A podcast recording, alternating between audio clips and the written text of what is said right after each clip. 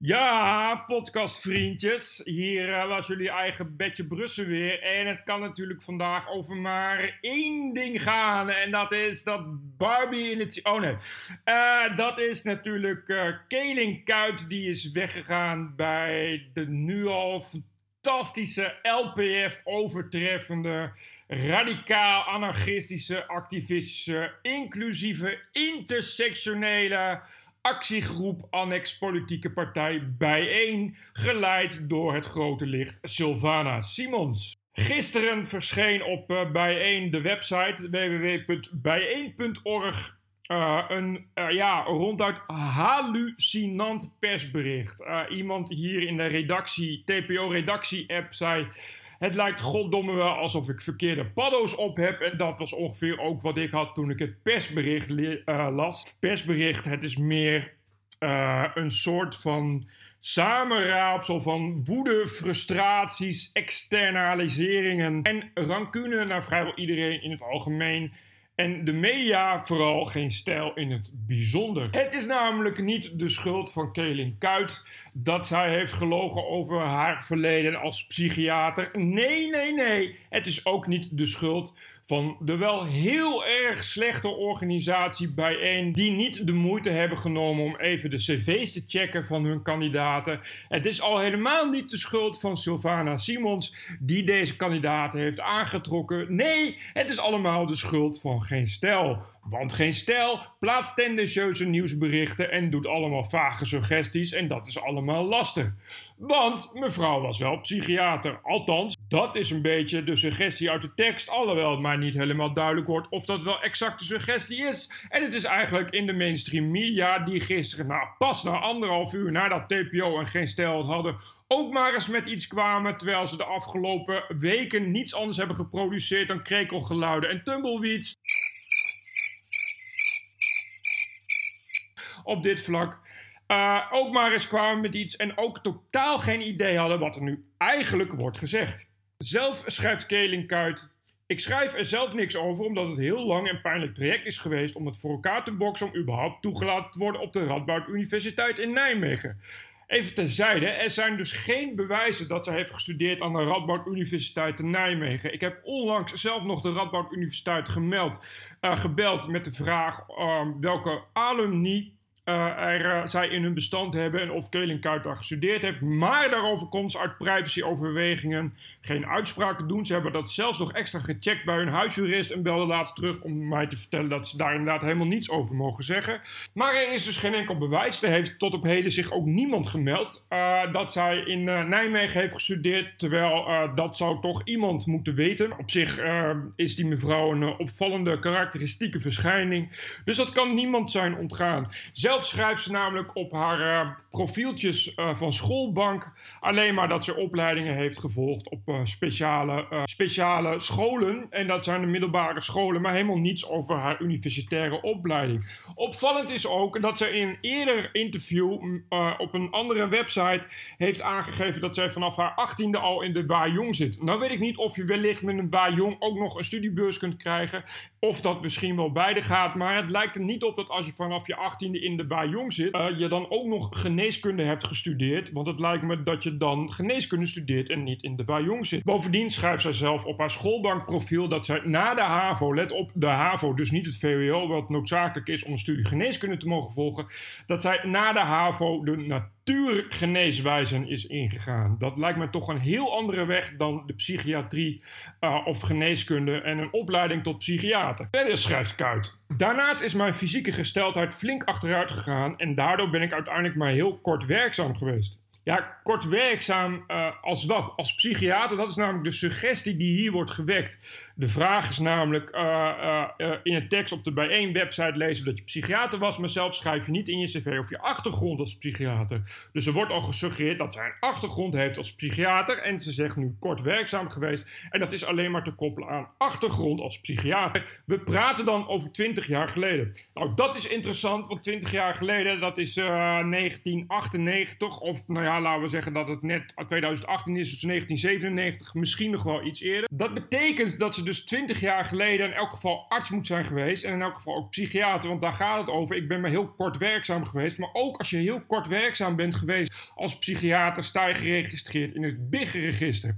Dat BIG-register gaat terug tot 1995. En we hebben het hier dan over 1997 of misschien wel 1998. Dus dat is al drie jaar uh, uh, voordat dat register verloopt. Dus dan moet ze hoe dan ook in het BIG-register hebben gestaan. En het is 100% zeker dat zij tot 1995 Noord in dat BIG-register heeft gestaan. Bovendien, uh, als laatst vermelde opleiding op haar uh, schoolbankprofieltje heeft zij de Torbekke College Avondschool. Uh, dat heeft zij volgens haar eigen zeggen gevolgd van 1986 tot 1990. En dat is ook haar laatst vermelde opleiding, dus dat moet de HAVO zijn geweest. Dat betekent dat zij dus in 1990 pas de HAVO heeft afgerond. Het is onmogelijk dat ze dan in 1997 al psychiater moet zijn geweest. Het is wel mogelijk dat ze tussen 1990 en 1997 naar de Radboud Universiteit is geweest. En dat ze in die tijd geneeskunde heeft gestudeerd. Maar nogmaals, daarvan is uh, geen enkele vermelding vindbaar. Wel heeft zij eigenlijk op alleen maar scholen gezeten uh, in Arnhem. Uh, dus dat ze dan naar Nijmegen is gegaan, dat zou heel goed kunnen. Maar het lijkt mij eigenlijk heel sterk dat het ook maar iets te maken heeft met psychiatrie uh, of welke andere uh, artsenuitvoering dan ook. Om het vak uit te oefenen moet je ook regelmatig bijscholen, ja, de, en laten zien dat je meegaat in de laatste inzichten in het veld. Ja, dat betekent dat je vakliteratuur moet lezen. Tevens moet je een bepaald aantal patiënten behandelen om aan het werk te mogen blijven. Ja, dat is een beetje het idee als je arts wordt dat je dan patiënten behandelt. Het is natuurlijk heel raar dat iemand arts wil worden überhaupt. Maar uh, van tevoren al denkt te weten niet de capaciteit te hebben om patiënten te behandelen. Sowieso, we, waarom kun je überhaupt psychiater worden als je uh, eigenlijk al weet dat je door je fysieke dan wel geestelijke beperkingen niet voldoende patiënten kunt behandelen. Het lijkt mij sterk dat dat ook echt is gebeurd. dat ze ook überhaupt die opleiding dan heeft gevolgd. ze schrijft, het aantal patiënten behandelen was voor mij onhaalbaar. Dat zal dan te maken hebben met haar lichamelijke uh, problematiek. Maar dat is dus raar, want die problematiek was dus al zichtbaar op, op het begin, uh, aan het begin van haar studie geneeskunde, dan wel opleiding tot psychiater. Uh, het meest spannende eigenlijk van een verklaring is dat ze zegt: iemand van de bijeenredactie die wist dat ik vroeger in de kliniek werkte, heeft dit en dit slaat er dan op werkzaam geweest als psychiater toegevoegd aan mijn biografie op de website. Nou staat er niet dat ze als psychiater heeft gewerkt, maar in de kliniek werkte. Het is waarschijnlijker dat ze dan als assistent-psycholoog of als voedingsdeskundige of misschien als alternatief genezer in de kliniek heeft gewerkt als niet als psychiater.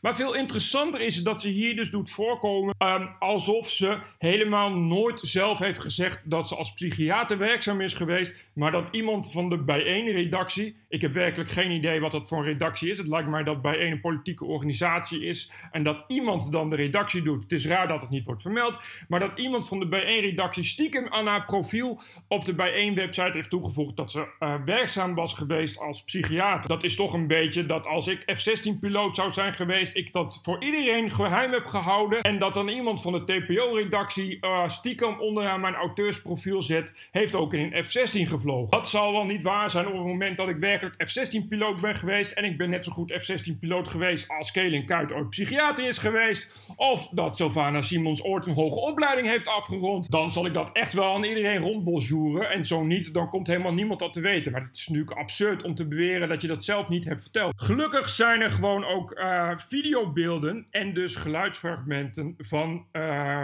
Keling Kuit... die zelf vertelt dat ze werkzaam is geweest als psychiater. Laten wij even luisteren. Dat is zelfs nog bizarder. Ik, uh, ik heb, ik heb voorheen als psychiater gewerkt. En toen verdiende ik goed ik ik weet niet of iedereen het heeft verstaan, maar zij zegt dus: uh, Ik heb voorheen als psychiater gewerkt en toen verdiende ik nog goed. Uh, ik heb geen idee wanneer dit filmpje is opgenomen. Het is een filmpje voor de partij 50 plus. Dus dat zal enige tijd geleden zijn, maar ook weer niet zo heel lang geleden, omdat 50 plus ook niet al eeuwen bestaat. Uh, dus ze heeft het zelf gezegd. Het is dus een uh, volledig sterk verhaal dat iemand anders dat ineens aan haar cv heeft toegevoegd. Want ze kwam er eerder ook al vooruit. Sterker nog, ze pochte daarmee. Want toen ze als psychiater had gewerkt, verdiende ze goed. Blijft ze maar herhalen. Dat goed verdienen gebruikt ze om dus te benadrukken hoe weinig ze verdient in de waaijong of als arbeidsgehandicapte. Opvallend gisteravond aan de berichtgeving in de oude zogenaamde kwaliteitsmedia was dat daar nauwelijks uh, op werd ingegaan. Het enige wat uh, zowel het ANP als de andere bladen deden, was inderdaad letterlijk de verklaring overtikken zoals die op de bijeen-website staat. En nogmaals, het is een volstrekte hallucinante, bizarre verklaring, wat zich het meest laat uh, beschrijven als een soort absurdistische sketch van Hans Steeuwen en, en, en gekruist met een of ander science fiction boek uit de jaren 70. Het staat ook echt bomvol verwijten uh, aan uh, anderen. Uh, er worden ook andere partijen genoemd die zouden mensenrechten schenden en gemeen zijn. Er worden media met naam en toenaam genoemd die gemene dingen hebben geschreven. En vervolgens wordt er gesuggereerd dat al die media hele kwetsende dingen hebben gedaan. Want het gaat nu helemaal niet zo heel goed met Keel Kuit. Want de zorg voor uh, Keel Kuit was het belangrijkste. Daarom konden ze ook niet met een verklaring naar buiten komen. En veel belangrijker er wordt ook nog op ingegaan uh, op het feit dat geen stel een ander lid van bijeen, namelijk uh, ene Anna Paula Lima, uh, een transgender die vroeger man was en tegenwoordig vrouw, die zou met naam, toenaam en foto staan op uh, kinky.nl, een site voor uh, seks- en amateurhoeren.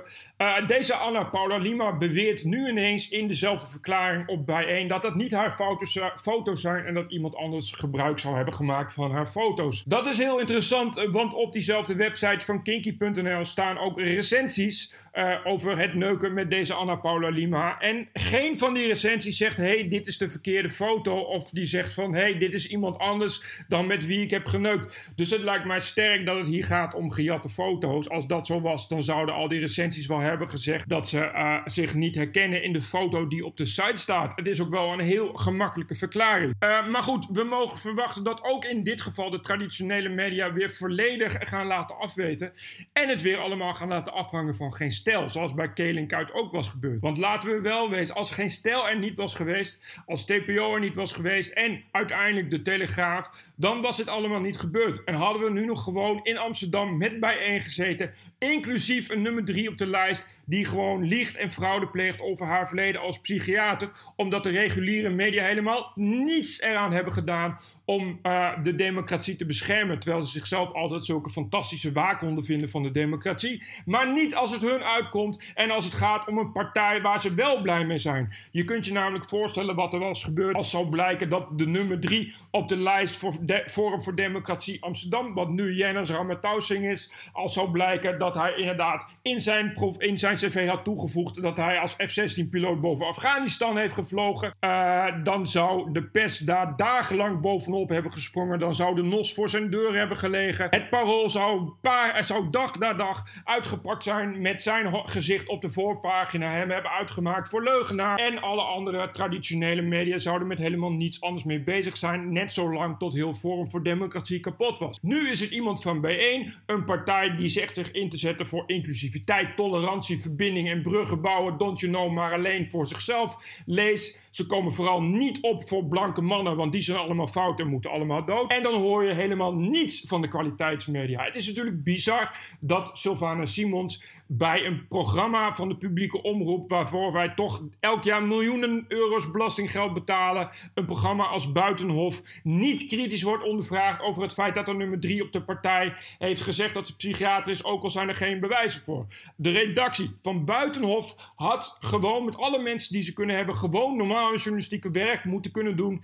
Uh, en gewoon, net als geen stijl aan de Telegraaf, even in het BIG-register kijken, even het ministerie bellen, even wat mensen nabellen, uh, nabellen en navragen. Er zitten daar mensen genoeg. Dat is goddomme hun werk. Dat hebben ze verzaakt. En daar is maar één reden voor. En dat is dat dit de enige juiste partij is. Alleen partijen die de traditionele NPO uh, mediakartel media wel aanstaan of niet aanstaan, die worden kapot gemaakt. De rest wordt buiten beschouwing gelaten. En dat is, dames en heren, één grote schande. We mogen wel spreken dat we wederom in dit geval sprake is van grote journalistieke stroomuitval bij uh, de traditionele kwaliteitsmedia. We hebben het hier toch gewoon wederom over een systeemcrash waarin de journalistiek faalt en faalt op faalt en faalt en keer op keer op keer op keer faalt en faalt en faalt. En dat is diep tragisch. Zo, nou, ik kan hier eigenlijk geen enkel geluidje uh, nog aan toevoegen. Ik bedoel, wat kun je nog anders toevoegen dan een sad trombone?